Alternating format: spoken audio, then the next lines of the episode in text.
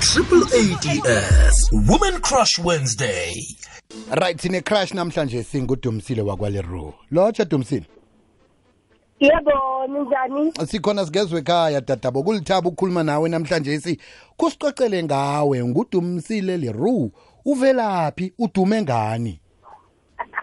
Ngivela e-Empowered um in Johannesburg sidume ngokuthuthukisa abantu abasha. Sibasize ngokuthi bathola amathuba omsebenzi oxhaswa okufunda um into enjalo nje. So ngakho lokho um ab- abantu abasha into esidume ngakho. Futhi ke i-company yona empowered is a marketing agency. So we've got clients that we service from a marketing perspective but when it comes to empower youth um into esidumisile ngaphandle ilokuthi sithuthukise abantu abasha njeke umuntu omutsho laleleko uzwile ukuthi eh, imbalobalo zabantu aba abangasebenzi kweSouth Africa zehlile. Kutsho khona bona kunabantu abayi 169000 abaqatshiweko thoma ngomnyaka opheleleko bekube nje naye uyafuna ukuthi ang- angezelele imbalobalo leza. Nimsiza njani nina?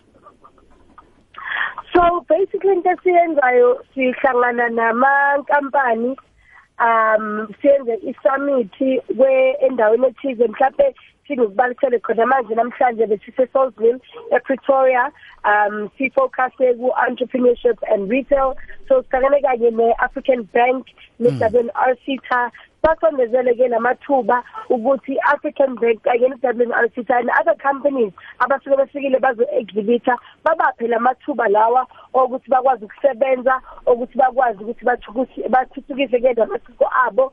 So uwona ke umsebenzi siwenzayo sibaxhumanisa kanjalo-ke namankampani akwazi ukuthi bamasize kodwa ke dumi kuveziwe ukuthi abantu abatsha abaningi eSouth Africa bakaye esikolweni. Niqale ini khona nizamthuthukisa umuntu. Niqale ukuthi umuntu abe no matric abe no grade 10 namtjana niqale ini?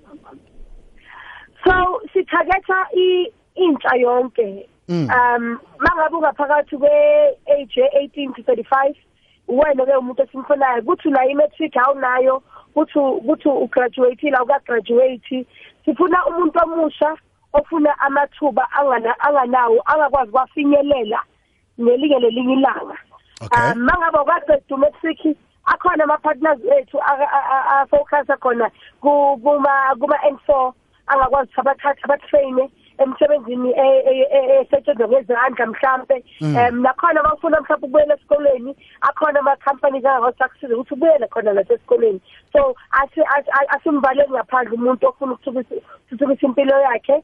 Siyabavumela ukuthi beze babone ukuthi yini ithuba bona bangakwazi ukuthi bafinyelele kulona. Nawuthi beze nje beza kuphi banithola njani? Kune website abangaya kiyo kunenomboro zomtato abangazithinda umuntu aziveze ukuthi mina kinekhono lana lana la. Ningakhona ukuthi ningithuthukise na? So basically um kulosuku um besise Pretoria ngoba sengishilo eh eh eSaltsville Arena. Um kodwa ke ukusukela kusasa kuyobe sekuphela sizotholakala futhi sise North West um ngo- ngomhla ka 30 singeyi-1 zaka April siphinde sibe khona ke e-Orange Farm which is in the south of Johannesburg from umhla ka 21 kuze kushaya umhla ka 27 waka May so si- si- sibe sikhona abantu abasha mabafuna ukwazi ukuthi bangasijoyina kanjani kulohlelo lwethu. Ngicela ukuthi basifollowe ku-Instagram ku-Facebook ku-Twitter naku-LinkedIn. Ihandle yethu is at empower youth.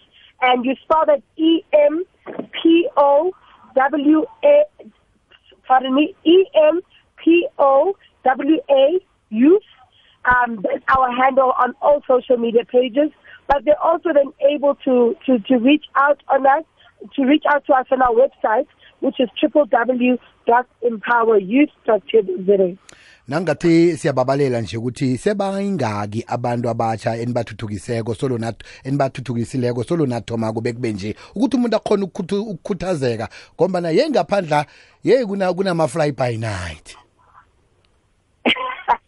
Cha hayi thina umsebenzi wethu ke ah, uyayikhulumela siyayishaya into yethu ku between 2021 namanje nanamhlanje sesithuthukise at least 1950 Wow. young people Wow, with wow. opportunities of work internships bursaries and training so thina into esingayona yilabantu abafike bamotivate abantu abasha abafike bangabashiye abashiye banganawo amathuba senza sure ukuthi into yethu masifike endaweni impilo zabantu abasha ziyashintsha.